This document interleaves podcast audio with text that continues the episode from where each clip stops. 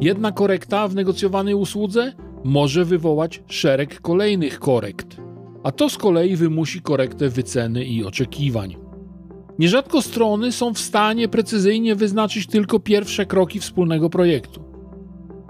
Negocjacje muszą być wtedy prowadzone jednocześnie w krótkiej i długiej perspektywie.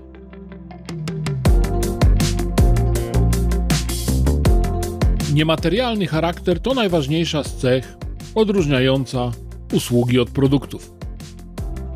Usługi tworzą wartość dopiero poprzez ich wykonywanie na rzecz odbiorcy. Ta właściwość powoduje, że pozornie ta sama usługa, wykonywana dla różnych odbiorców, będzie miała nieco inny, spersonalizowany charakter. Wymagać więc będzie nieco innych, właśnie spersonalizowanych negocjacji. I nie ułatwi ich mgliście zarysowany efekt końcowy. Mgliście? A tak. Chociaż negocjatorzy negocjujący usługi posługują się wzorcami, to jednak w garniturze uszytym na miarę jeden będzie się czuł doskonale, a inny tylko dobrze. Bo każdy z odbiorców inaczej sobie wyobrażał efekt końcowy. Ze swej natury usługi są trudno porównywalne. Nie można więc do nich przyłożyć szablonu z poprzednich negocjacji. W biznesie rośnie liczba usług, a zatem i liczba negocjacji z nimi związanych.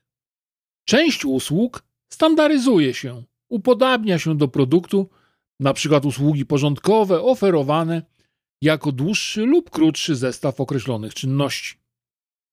Ich negocjowanie upodabnia się do zwykłych negocjacji produktowych z tego choćby powodu, że łatwiej je między sobą porównywać.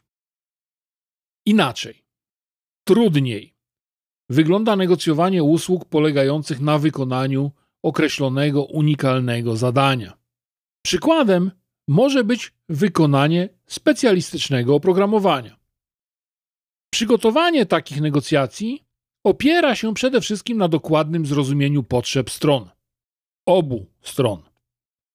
Trudność wzajemnego zrozumienia wynika z różnicy w sposobie patrzenia na efekt końcowy.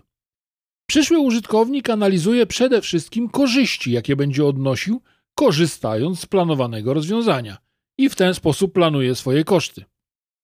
Wykonujący usługę koncentruje się na technicznych możliwościach zapewnienia użytkownikowi satysfakcji i także na tej podstawie planuje swoje nakłady.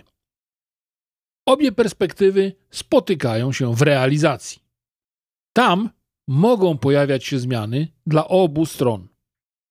Dla negocjatorów oznacza to gotowość do ciągłego i bieżącego dopasowywania swoich ofert do coraz to nowych wyzwań. Jedna korekta w negocjowanej usłudze może wywołać szereg kolejnych korekt, a to z kolei wymusi korektę wyceny i oczekiwań. Nierzadko strony są w stanie precyzyjnie wyznaczyć tylko pierwsze kroki wspólnego projektu. Negocjacje muszą być wtedy prowadzone jednocześnie w krótkiej i długiej perspektywie. W krótkiej trzeba wynegocjować najbezpieczniejsze warunki realizacji bieżącego etapu, a w długiej zadbać o dowiezienie całego projektu. W rezultacie znaczenia nabiera negocjowanie ryzyk i ich stałe aktualizowanie.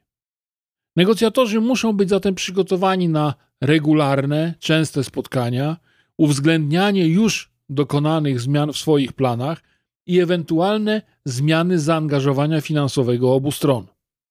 Wskazane okoliczności to tylko część tego, co sprawia, że praca negocjatorów usług wymaga zwykle większej odporności, cierpliwości i jeszcze staranniejszego przygotowania.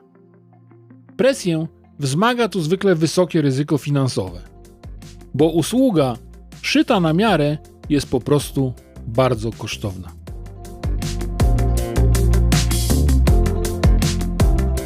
Z chęcią odpowiem na Twoje pytania, jeśli wpiszesz je w komentarzach.